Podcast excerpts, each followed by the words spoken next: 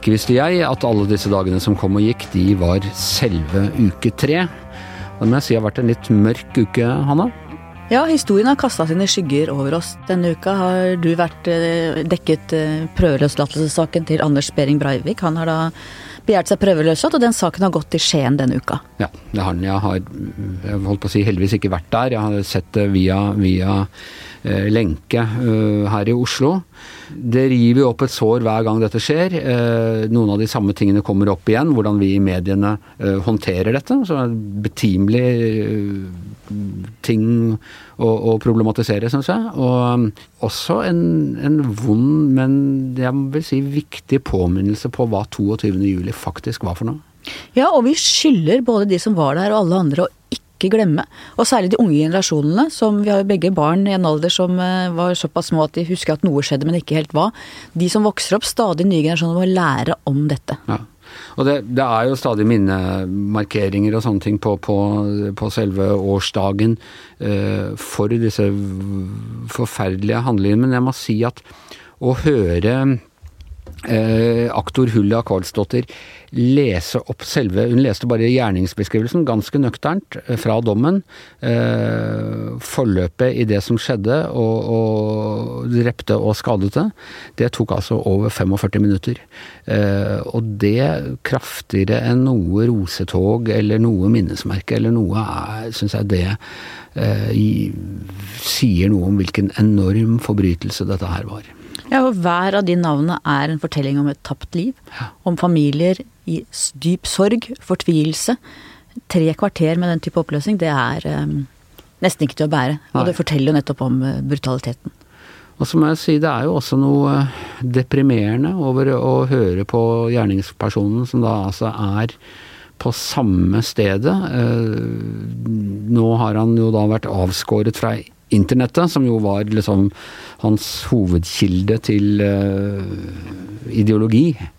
Nå, han kan lese bøker, han kan se på TV, han kan høre radio, han kan lese aviser, men han har ikke de der kaninhullene å dukke ned i. Og sånn sett så blir på en måte historie Altså, ja hans presentasjon. Han har jo prøvd å bruke denne anledningen til å presentere budskapet sitt enda en gang. Det blir, men det er enda mer forvirra enn det var for elleve år siden, vil jeg si. Ja, for hans radikaliseringsprosess har ikke klart å følge med tiden. For han mangla den inspirasjonen han får på internett. Ja. Så nå er det Ja, det nytter ikke engang helt å prøve. Men, men han, han, står, han hevder jo da at han ikke lenger er militant. Men at han ellers står for det samme ideologiske ja, innholdet, da. ikke sant, Om, om folkedrap på den hvite rasen osv. Så sånn. Og nå, nå, var det da prosedyrer i går. Og så vet vi ikke Retten sa til Eller dommeren sa at han tidligst neste, uke vil finne, men det er jo ingen sjanse i det hele tatt for at, at han slipper ut på, på noen prøveløslatelse. Vi dekket jo begge to rettssaken den gangen. Nå har du fulgt også denne prøveløslatelsen, som jo ikke handler om selve saken og skyldspørsmålet, bare om han skal løslates. Så du noen store eller var det annerledes å se han denne gangen? Var han, Du sier han henger fast i historien, men ellers var han omtrent som sist? Han var omtrent som sist. Uh, altså Forrige gang var jo da i 2017 da han hadde anlagt sak om brudd på menneskerettighetene på soningen sin. Og uh, det, er, det er mye det samme, og det er jo disse hilsenene når han kommer inn i salen, og nå holder han opp noen sånne plakater, men som vi snakket om i stad, altså preget av at uh, han ikke får noe input og ikke har noe, noe, noe, sted på å vegetere på disse helt ekstreme eh, synspunktene. Så han er mer frikobla da, eh, fra alt dette. Men du har jobbet med hyggeligere ting, Hanne. Ja, det må jeg tiden. kunne si. Ja. For i dag så fyller eh, prinsesse Ingrid Alexandra 18 år. Myndig. Ja. Og hun har du vært og møtt? Ja, jeg har intervjuet eh, prinsesse Ingrid Alexandra. Hvordan var det? Vet du, Det var veldig ålreit. Først så var jeg et møte på Slottet for å snakke litt med henne og bli litt kjent. Og så var jeg noen dager senere på Skaugum og foretok selve intervjuet. Og jeg må si, jeg tror hun blir en veldig bra dronning i ja. Norge når den tid kommer. Det er nok ikke sikkert at du og jeg får oppleve det, Anders. For Nei, vi det får jeg nesten håpe at vi ikke får. Ja, får men... nesten håpe at vi ikke får, men jeg tror hun blir en veldig bra dronning. Ja. Eh, og hva bygger du det på? Hun fremstår veldig reflektert. Eh, klok, ganske sånn bevisst rollen hun er i, og rollen hun skal inn i. Virker som hun har et reflektert forhold til det. Samt, hun er både en veldig vanlig ung jente, henger med venner, eh, glemmer matpakke, må bruke lommepenger hun har spart på sommerjobb til å kjøpe seg mat på et eller annet hjørne. Hva slags sommerjobb har hun? Hun har jobbet på restaurant, stått og pusset glass og båret ut mat og litt sånn eh, praktiske ting på en restaurant her i Oslo. Så hun er både en veldig vanlig ung jente og en høyst uvanlig fordi hun faktisk er i den rollen hun er. Og hvor langt går hun i å uttale seg om samfunnsmessige forhold, og det er jo alltid det. Ja, nå skal du høre hva hun mener om Hva syns hun om strømprisene og Nei, men jeg spør henne om hun diskuterer mye politikk med vennene sine. Det gjør hun. Og særlig på skolen hvor de har samfunnsfag, hvor de går inn i sånn hvor du skal ta et standpunkt og argumentere for det. Altså hun er opptatt av samfunnet helt åpenbart. Eh, men det er klart at i den rollen så ligger at de kan jo ikke uttale seg offentlig. Hun har jo ikke stemmerett. Nei. Eh, hun har ikke stemmerett, men det er hun som skal en gang eh, lede, lede regjeringen. Og i går var hun vel på Stortinget sånn offisielt for første gang? Ja. Og Stortinget og Høyesterett og på statsministerens kontor. De tre andre statsmaktene. Ja, manglet, Og du representerte den fjerde statsmakt, du da. Ok, ja men det ble spennende, Hanne. Ja. Vi skal over til en helt annen sak, og som er som rett og slett er eh, tema eh, for eh, denne ukas avsluttende Giæver og gjengen. Vår gamle kollega Fawad Ashraf, som jobbet i, har jobbet her i VGTV i flere år, han er nå debattredaktør i Avisa Oslo. Og han skrev en kronikk i Avisa Oslo, det var vel i forrige uke egentlig, om at uh, lenge har jeg lett etter oppskriften på hva som gjør meg norsk nok. Å avslutte jakten har vært dypt befriende. Han sier på en måte litt der at han har gitt opp å prøve å være norsk på de premissene som han mener andre prøver å påtvinge han? Ja, øh, vi skal diskutere dette nå. Jeg tror at det er noe han opplever at andre prøver å påtvinge han. Jeg kan ikke se at det å være norsk er et så smalt begrep som det han definerer det som. Nå skal jeg til å si som jeg alltid sier, nå er jo ikke han her til å forsvare seg, men det er han! Velkommen! Ja, Anders, jeg er her, jeg. Dermed trekker jeg meg tilbake, og så overlater jeg denne debattarenaen eh, til deg, Hanne. Ja. Nå har vi samlet Fawad Ashraf, Shazia Majid og Chichi Pang her for å snakke om det å være norsk. Fawad, du har skrevet en kronikk i eh, Avisa Oslo eh, hvor du nærmest sier opp det å være norsk. Fortell. Ja, jeg skrev 'norsk nok for de svina' for å pirke litt borti de etablerte mønstrene i samfunnsdebatten og den diskusjonen. Eh, som har handlet mye om at eh, det å på et eller annet tidspunkt føle seg norsk, eller bli norsk, er eh, den ønskede tingen vi ønsker å oppnå i samfunnet. Og i teksten så beskriver jeg hvordan det ikke alltid er så lett, fordi det er andres idealer, og kanskje ikke dine men at du følger de idealene fordi eh, du blir fortalt at det er sånn eh, det å bli norsk eh, er. Ehm, men i det levde liv så kan du oppleve at folk plasserer deg på utsiden av samfunnet. Og da er det jo én ting jeg beskriver, da. Eh, som skjedde på Rygge flyplass eh, da jeg kom hjem fra Italia for åtte eller ni år siden. Så ble jeg tatt til siden i passkontrollen, mens Dagfinn, eh, som jeg reiste med, eh, ble vinket forbi. Og politibetjenten ser i passet, spør hvor har du vært, hvor skal du nå? De vanlige spørsmålene. Og så gir han passet tilbake, og så sier han ja ja, norsk pass ordna seg for deg òg. Så enkeltvis så har jo disse hendelsene kanskje ikke så mye å si. Noen vil si at det er bagateller, kan du ikke løse det? Men når de skjer, så blir du minnet om at du kan prøve å plassere deg inn i samfunnet, men noen vil gjøre det motsatte. Men lar du da eh, noen enkeltidioter definere deg ut av det som er vår Norge, som vi alle bor i? Eh, jeg syns ikke jeg lar enkelthendelser eh, eh, definere meg ut av Norge. Eh, det jeg sier er at eh, dette er for meg en måte å skru ned den støyen. Jeg kaller det støy. Eh, og så får alle andre kalle det rasisme. Eh, men å skru ned den støyen fordi eh, det betyr noe som er universelt. Og det er at du ikke lever på andres premisser og forventninger. Så for meg har det vært befriende. På ingen måte noe jeg er sint eller føler meg på utsiden av norske samfunnet pga. Shazia, du ser litt annerledes på dette, vet jeg. Jeg har jo også gjort det samme som Fawad og, og skrudd ned støyen. Men utfallet av å skru ned den støyen var helt motsatt av det Fawad har gjort. Fordi for meg så er det jo Altså, jeg er norsk. Jeg, det holder jo ikke engang at jeg er norsk. Jeg sier jo at jeg er en nordmann, og det trigger jo enda flere folk fordi de mener at men bare hvite etniske nordmenn kan være nordmenn, og du kan være norsk fordi du har norsk pass. Så, så ja, vi reagerer annerledes på de samme mekanismene. For meg så har det alltid vært Ikke alltid, det er en reise. Vi har vært på en reise, alle som har en annen hudfarge. Eh, som, altså jeg er jo først, altså barn av innvandrere, første kullet som eh, ble født i Norge. Og jeg har vært gjennom alt uh, av ulike reaksjoner. Så jeg har jo kjempet de samme kampene, og det er vanskelig og det er sårt. men på et eller annet tidspunkt, særlig etter at jeg fikk barn, og de barna ble store, så sa jeg at jeg kan ikke vingle sånn. Jeg kan ikke holde på sånn. Så jeg bestemte meg bare for at jeg var norsk. Og det er like befriende som at Fawad har seg for at han ikke er norsk. For meg så er det viktig at jeg Eller jeg tenker på det sånn at jeg er opptatt av å sprenge den rammen for hva som er norsk. Det er det jeg har gjort. Når jeg sier at jeg er norsk, så viser jeg at du kan være som meg og være norsk. Og så Ehm, og ikke liksom redusere seg for å passe inn i den lille rammen som er etnisk hvit, åtte generasjoner forfedre som er født i Norge, og, den typen ting. Så jeg, jeg har et helt annet syn egentlig enn Fawad har. Og, og, jeg er jo veldig glad i Fawad, Fawad er en venn, men vi ser veldig ulikt på det. Chichi, hva tenker du?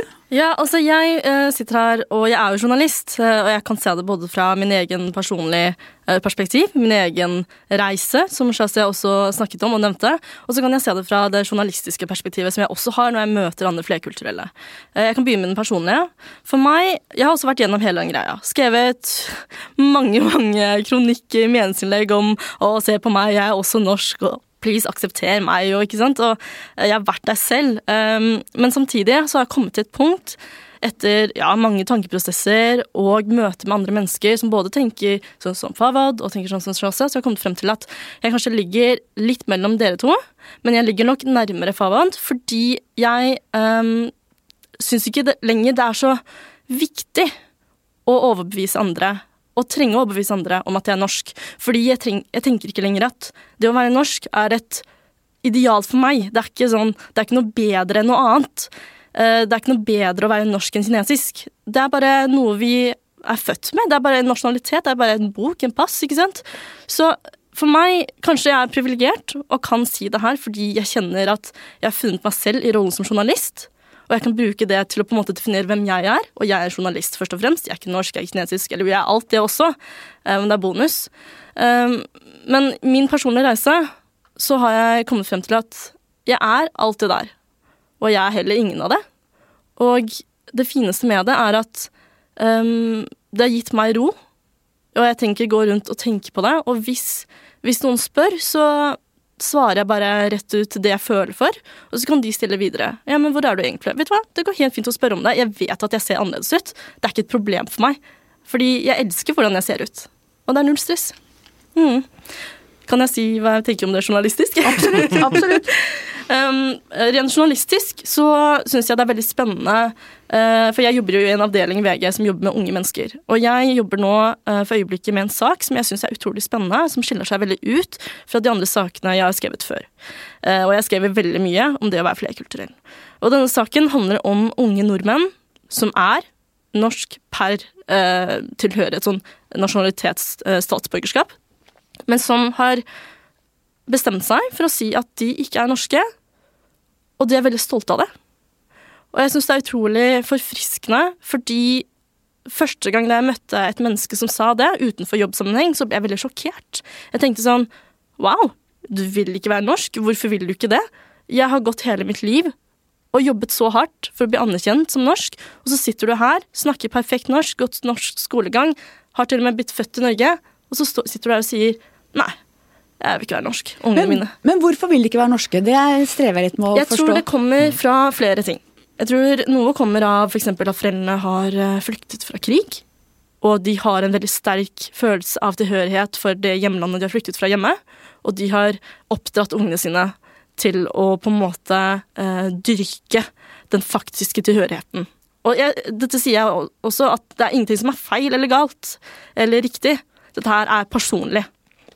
Eh, og så har vi de som har opplevd så mye motgang i det norske samfunnet at det har resonnert frem til og bestemt seg for at vet du hva, jeg skal gå mot eh, strømmen. Jeg bestemmer meg for at jeg skal eie at jeg er f.eks. pakistansk eller meksikansk. Eh, og de gjør det også fordi eh, det er en direkte reaksjon på rasismen de har møtt, kanskje. Eller bare følelsen av utenforskap og aldri være gode nok. Og den siste er jo rett og slett fordi de kanskje ser hvite ut. Ser de norske, men de er det egentlig ikke. Og så blir de bare akseptert. Og så tenker du sånn Søren, jeg vil også være spesiell. Jeg vil også være utenlandsk. Eller fordi jeg er det. Og da får de den der motsatte problemet som det vi har, da. De ser norske ut, men de vil bare liksom bevise at de er også spesielle. De er utenlandske, og de er så utrolig stolte av den flerkulturelle identiteten sin, da. Men for meg blir det paradoks at samtidig som målinger viser at rasismen i Norge går ned, eh, det blir blitt mer og mer inkluderende samfunn, så er det da etterkommere av de som kom hit en gang, og som i mine øyne er alle dere tre nordmenn. Dere kan bli fornærma eller glad for det, men i mine øyne er alle dere tre nordmenn. Og at da du som Fawad f.eks. melder seg ut, opplever jeg på en måte av det norske, og sier at nei, du, er, du, du tilhører ikke vårt samfunn. Det er det du på en måte sier da til meg, det er det, det, er det jeg hører. Samtidig som det jo blir mindre rasisme, mer inkludering. Eh, For meg er det et paradoks. Jeg må si at jeg forstår det ikke helt. Nei. Skal vi prøve å bringe noe annet, da. Det er jo at øh, øhm, Altså dette med eh, at rasisme eh, er mindre av og samfunnet er mer inkluderende, det er jo det helhetlige statistikkene viser det. Så kan det være annerledes hvordan du eh, i det levde liv, eh, hvordan ulike hendelser påvirker deg. Eh, og øhm, da kan du komme frem til ulike konklusjoner.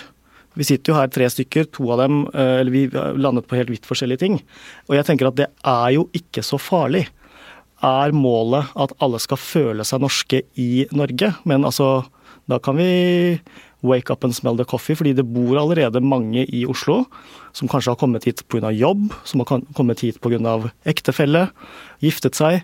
De har ikke den naturlige norske tilhørigheten.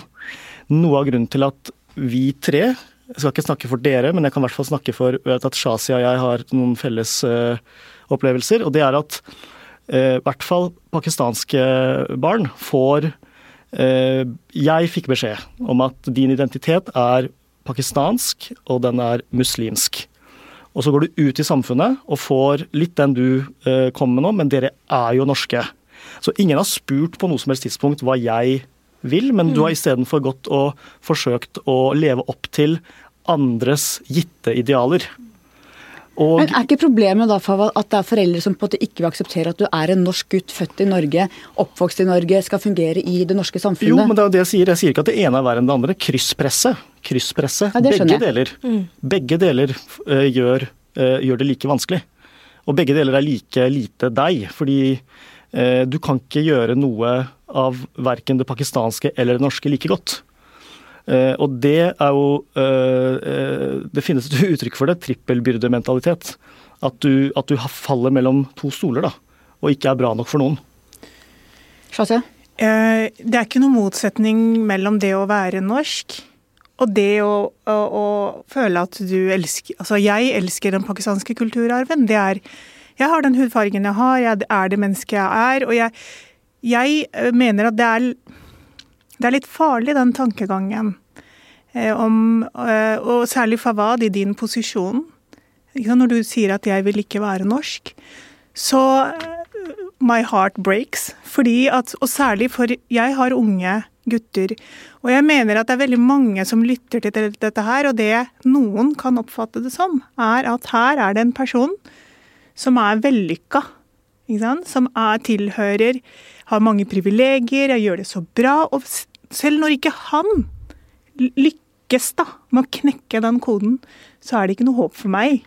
Og jeg mener at eh, Selvfølgelig er det en personlig reise, og alle må selv finne ut av det, men som samfunn, som det norske samfunnet, så tror jeg det er viktig at vi ikke oppfordrer til å plassere seg utenfor fellesskapet. Fordi at den derre globale borgeren, da Du kan være global borger, men også være norsk. Du kan være muslim og også være norsk. Jeg bare sier, I den tiden vi lever i dag, da, for ungdommer i dag, så tror jeg ikke Jeg tror det er viktig Jeg mener jo at min vei er den rette veien, da. ikke sant? At du tenker at Vet du hva, jeg har møtt rasisme, jeg har blitt stoppet i kassa på butikken flere ganger. Du veit, sånn um, tilfeldig sjekk på sånne automatiske kasser. Og, og all den rasismen jeg får i min innboks det er klart det gjør inntrykk på meg, men jeg blir bare mer sånn van den voldsk i at Vet du hva? Altså, før så ble jeg påvirket av det. Nå bryr jeg meg ikke, og det er noe med den derre selvtilliten jeg har fått, da, i at jeg selv kaller meg norsk. Og så betyr det ikke noe for meg hvordan du ser på meg. Men igjen, da, det handler jo også om at jeg er privilegert. Jeg er sterk i dag, jeg er 47 år. Når jeg var 17, så tenkte jeg ikke sånn. Da var jeg jo bare veldig, veldig forvirra. Så, så jeg, jeg um, det som stresser meg mest, er at kan, jeg syns det er vanskelig å si til mine barn at jeg vil ikke akseptere om han kommer hjem og sier at jeg er ikke norsk. Men, kan jeg bare svare bitte litt på dette her? Fordi altså, eh, Hanne, du også sa at eh, du leser det eller oppfatter det som at jeg har meldt meg ut av samfunnet. Nei, jeg har jo ikke det. Jeg er fortsatt den samme personen. Jeg eh, gjør eh, og kommer til å gjøre akkurat de samme tingene. Det er ikke noe forskjell fra meg før jeg skrev kronikken og etter. Overhodet ikke. Eh, dette her er jo og også melde ifra om at kanskje er måten denne samtalen i Norge på, og hvordan vi definerer det norske, ikke noe som passer alle. Og det kan vi jo diskutere. Kanskje er det ikke den felles norske identiteten noe som går an at alle sammen skal være en del av, men at du kan finne nye måter. Eller virkelig ikke gi det så mye plass heller. Altså i min, i min, hverdag. Det er veldig få ganger jeg går rundt og tenker på om jeg er norsk eller ikke norsk eller det eller det. Men jeg opplever at folk kan sette meg på utsiden av samfunnet. Og det aksepterer jeg ikke lenger. Men for meg er det faktisk viktig å se på deg som nordmann, Fawad. Ja. Fawad, altså, slik jeg tolker det du sier nå, og teksten din, er at du er norsk. Du vet det. Ok, get over it. Men jeg vil dyrke den andre delen av meg nå. Det er viktig for meg akkurat nå i det prosessen jeg er. Det er ikke sånn at du melder deg ut av det norske samfunnet. Du vil alltid være norsk. Du, kan du er norsk statsborger. Hva skal du gjøre med det, liksom? No big deal. Det er sånn jeg tolker det. Mm. Uh, og jeg syns det er skikkelig kult, fordi um, du gir også de som lytter på, en tillatelse til å kjenne på en stolthet av den andre sida av seg. Og um, nylig skrev Washington Post en, uh, en, sak om en kinesisk journalist som jobber der. Om at hun ønsket å ta tilbake sitt kinesiske navn. Fordi det er veldig veldig vanlig at asiatisk, østasiatiske uh, mennesker, eller immigranter og diaspora, bytter til uh, utenlandsnavn. Altså de tar til seg et engelsk navn. Og hun ville ta det tilbake fordi hun ville vise for seg selv og for de eh, rundt seg, og for hennes arv, at hun er stolt av det navnet, og hun skulle bruke det igjen. Og jeg stilte dette spørsmålet her til en gruppe som jeg har vært med å, å stifte, holdt jeg på å si, Grunnlegger på Facebook. Det er en Facebook-gruppe, ikke noe offisielt. og der stilte jeg det spørsmålet, er det noen som kunne tenkt seg det, til norske eh, kinesere og asiater generelt, da? Og de var, det var veldig mange som hadde, referert, eh, unnskyld, hadde tenkt over det. Reflektert over det. Og at alle som svarte i kommentarfeltet, hadde en historie om hvordan de skammet seg over det kinesiske ved seg. Det var veldig mange kinesere spesielt. Uh, og at de har tenkt på lenge å ta tilbake det navnet sitt. Jeg tror det viser bare at i Norge så har vi visse forventninger til de som kommer til landet vårt. Og veldig mange føler det presset sånn som du snakker om. Uh, og jeg har nettopp hatt korona, så jeg har vært i karantene og sånt. Og da uh, dykka jeg i en TV-serie som jeg elsker, da. Jeg er ikke noe kritikk til den TV-serien, som heter Alt for Norge. Og jeg syns det var så sykt sånn metafor for hvordan eh, vi forventer av utlendingene våre, i, i hermetegn nå. Og det er litt sånn som serien. Her skal du kjempe om å være så norsk som mulig, og hvis du klarer å være så norsk som mulig, så kan du kanskje vinne oppholdstillatelse og møte familien din. Liksom, jeg føler at det var så beskrivende for litt av det jeg forventer av, eh, av det. da. Og dette er bare tull. Det er selvfølgelig ikke meningen eh, å legge på noe med altså, Jeg tror ikke det var det de tenkte, men jeg bare følte at det, det hang litt sammen. Mm. Fordi vi i Norge er så utrolig opptatt av å være som alle andre og passe inn og være normal. Men, men, men jeg tenker jo at det er jeg jo ikke. Jeg er jo ikke det. Så, jeg, så jeg, jeg, er jo den jeg er, jeg har alltid vært. Og jeg passer jo inn. Poenget mitt er at det er vi som sitter her, Fawad og Altså, det er vi som bestemmer hva, som er, hva og hvem som er norsk.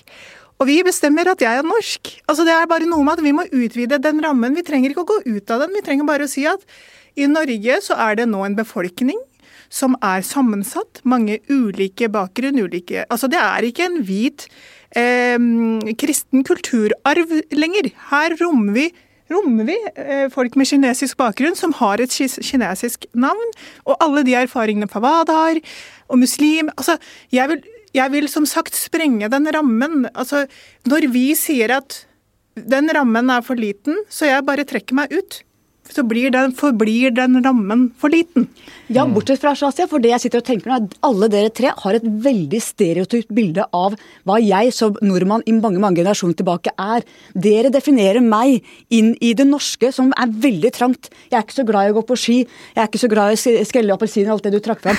Kanskje det er dere som egentlig er fordomsfulle og tegner stereotyper av hva det norske er, istedenfor å vi har mange identiteter alle sammen. Jeg er kvinne, jeg er fra Manglerud. Jeg er uh, ikke lenger småbarnsmor, men jeg er mor. Jeg, har, jeg, har, mange ulike identiteter i meg. Jeg har slekt på Vestlandet.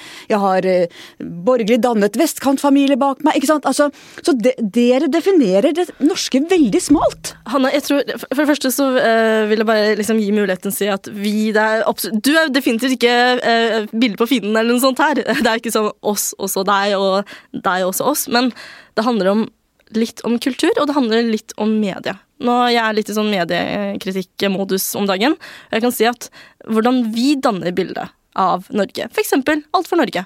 Når vi sender på TV, så lager vi og skaper vi et inntrykk av hva som vi er stolt av. Ikke sant? Vi er stolt av å gå på ski. Vi er stolt av Petter Nei, det er vi ikke. Uh, vi er stolt av Therese Johaug. Ja, iblant. Vi er stolt av de tingene. Og det får vi eksponert for siden den første dagen vi går av det flyet, eller båten, eller toget. Sant? Vi får det inntrykket, og så får vi høre det. Hvis vi ikke mestrer det, eller hvis vi ikke har de ressursene som vi burde ha for å på en måte bli sett på som en del av gjengen. Så det her er et bilde et idealt samfunn har skapt. Og det kan hende at det føles ekstra tungt for oss fordi vi allerede starter på scratch med nesten ingenting. Men for meg så har den tyngden blitt lettere og lettere, for jo eldre jeg blir Kan hende om ti år så mener jeg akkurat sånn som Shazia. Det kan mm. fort hende. Men, men ikke sant, hvem sin oppgave er det, disse stereotypene? Mm. Eh, hvem sin oppgave er det å på en måte endre på Jeg mener jo at det er vår oppgave å gjøre det ved å ta eierskap i vår mangfold og holde fast ved den. Ja, men hvorfor I, i form, altså For vi, vi, som sitter og er ute i underholdningsbransjen, i pressen Bare det at vi er ja. her, at vi nå sitter i dette studioet her, er jo med på å utvide de rammene. Og, og, det, og sånne ting tar jo tid. Nå Alt for Norge blir så karikert, ikke sant. Og jeg, jeg, jeg altså det er jo ikke sånn, Jeg har jo ikke noen annerledes erfaringer, fordi jeg, vi har jo opplevd rasisme. Det er jo noe jeg opplever veldig ofte fordi at jeg skriver eh, meninger. Men jeg, jeg, bare mener at vi um, vi må kjempe det på, på, en annen måte. Jo, men jeg synes det oh, gud. Det er litt sånn uh, du må være enig med meg fordi dine opplevelser og mine opplevelser er like, og det er farlig at du har kommet fram til en annen konklusjon. Hvorfor det? Hvorfor er det så farlig? Jeg ser også at dette kunne vært annerledes hvis jeg hadde hatt barn. Jeg hadde kanskje snakket og tenkt på det annerledes, men nå er realiteten at jeg har ikke barn. Men øh, det øh, vi har kommet fram til nå, er jo heller ikke endelig. Uh, og i, fare for å gjenta meg selv, men bare gjøre det. Dette her handler om å ikke gi de som vil fortelle deg hvem du skal være, mer plass enn nødvendig. Det er en, Kall det en protest, om det er det det skal være. Og, og til det du sier, Hanne, om at uh, kanskje det er vi Jeg er åpen for at mine oppfatninger av Norge er uh, klisjéfylte. Uh, Uh, og til syvende og sist, hva har det egentlig å si om ikke engang alle i Norge går på ski eller har den kulturen der. Det er jeg også innforstått med. Men hva er det En av de tingene jeg tok ut av teksten, var jo dette eksempelet som Hvor mange år siden er det Linda Hofstad Helleland var kulturminister? Hun, sto, hun satt oppe på Frognerseteren i bunad og snakket om Kvikk Lunsj og ski. Brunost. Og brunost. Så det er ikke bare noe Det, det, det, det kommer jo ikke bare fra Jeg har ikke fanget det opp et eller annet sted i lufta og brukt det. Det skjer jo, det snakkes jo om. Eh, og, og, dette du kaller om å, om å åpne, på en måte utvide eh, hva begrepet er, ja. Jeg også skrev dette for å eh, gjøre det norske rommet større. Fordi jeg vet om mange, også etnisk norske, som ikke kjenner seg igjen i det vi litt i mainstream definerer som norsk. Eh, og Jeg vil heller at vi snakker om andre ting som er naturlig universelle for oss. Mm. Som heller ikke er mat, men som kanskje er språket vårt. Som er at vi har et mangfold av dialekter i dette landet. Eh, og at vi har en felles skole hvor alle får de samme referansene. At vi har naturen og vær og vind. Det er jo mye mer inkluderende enn en del av de andre litt stereotypiske norske tingene. For meg er Norge mye mer av en idé og mye mer av, av eh, Altså Det handler om likestilling, det handler om ytringsfrihet, det handler om grunnloven vår, det handler om samfunnskontrakten, det handler om hvem vi er. Og det mener jeg, der mener jeg faktisk at, at den som bor i Norge må på et vis slutte, slutte, seg opp om de grunnleggende verdiene. Og så kan man tolke det på ulike vis og tro på forskjellige ting og alt det der. Men for meg, Og det er mye videre begrep av Norge som jeg mener at alle som bor her bør kunne slutte opp om de grunnleggende verdiene som er for meg er ikke eksklusivt norske, men som er viktige i Norge. Og jeg har ivra lenge for at vi f.eks. skal skrive og si pakistaner-nordmann istedenfor norsk-pakistaner. Somali-nordmann istedenfor uh, norsk-somalier. Som man i USA sier African American, Asian American. Fordi at jeg mener at vi som bor i Norge, så må nordmann på en måte være hovedidentiteten. For at vi er alle en del av fellesskap. Du er del av fellesskapet, Fawad. Du Shazia, du Chichi. Vi er et mangfoldig og veldig annerledes fellesskap enn vi var da jeg vokste opp. Men like fullt så bor vi nå i dette lille, rare landet og på en måte hører til der, alle sammen. Chichi. Ja, altså jeg tenker sånn, Vi er jo alle journalister her. Vi har alle forskjellig bakgrunn. Eller i hvert fall én av oss. jeg har litt fra annerledes for dere, men poenget mitt er at vi er alle journalister.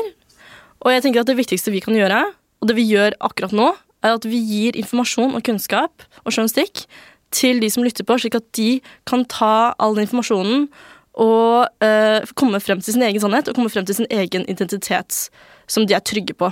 Og det er det beste vi kan gjøre, og det viser egentlig at vi er alle enige om én ting.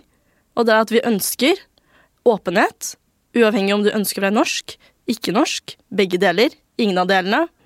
Sant? Det er det viktigste. Og det viser at vi er på god vei. Så bare for å trekke en veldig positiv konklusjon, da, så syns jeg det er jo uh, Jeg blir veldig stolt, da å sitte her og være så uenig med alle dere, men samtidig vite at vi har alle noe til felles. Så tenker jeg en siste ting, at integrering går begge veier. Og det er klart Når du Fawad, sier at foreldrene holder deg tilbake i det pakistanske, så må man jo også adressere foreldregenerasjonens ansvar for faktisk å hjelpe barna sine inn i å bli sett på som landsmenn. For mm. vi er alle landsmenn i dette landet, og ja. det er også foreldregenerasjonens store ansvar. Helt klart, det er det store ansvaret. Og jeg har også sagt eh, til, eh, eller så skriver i kommentarene at det jeg håper for neste generasjon, da, er at uh, de uh, ikke trenger å ha denne identitetskrisen, og at de slipper unna denne mentaliteten trippelbyrde, at, at, du, at du må være mellom to steder hele tiden. At du også tør å si fra om de tingene innenfor husets fire vegger. Og det er jo ikke lett gjort, men, men, selvfølgelig. Det er jo også et poeng her at man må løsrive seg fra foreldres forventninger. For de er der. Ja, da tror jeg vi sier tusen takk, dette var veldig spennende. Og Chichi, vi fortsetter debatten. Og da kommer jeg inn igjen bare for å si at uh, Giæver og gjengen er uh, over for uh, denne gang. Tusen takk til Shazia Majid. Tusen takk til Chichi Pang. Tusen takk til Fawad Ashraf. Tusen takk til Hanne Skartveit. Jeg heter Anders Giæver, og mannen som ikke kjenner noe fedreland, akkurat som kapitalismen og kommunismen, er som vanlig Magne Antonsen.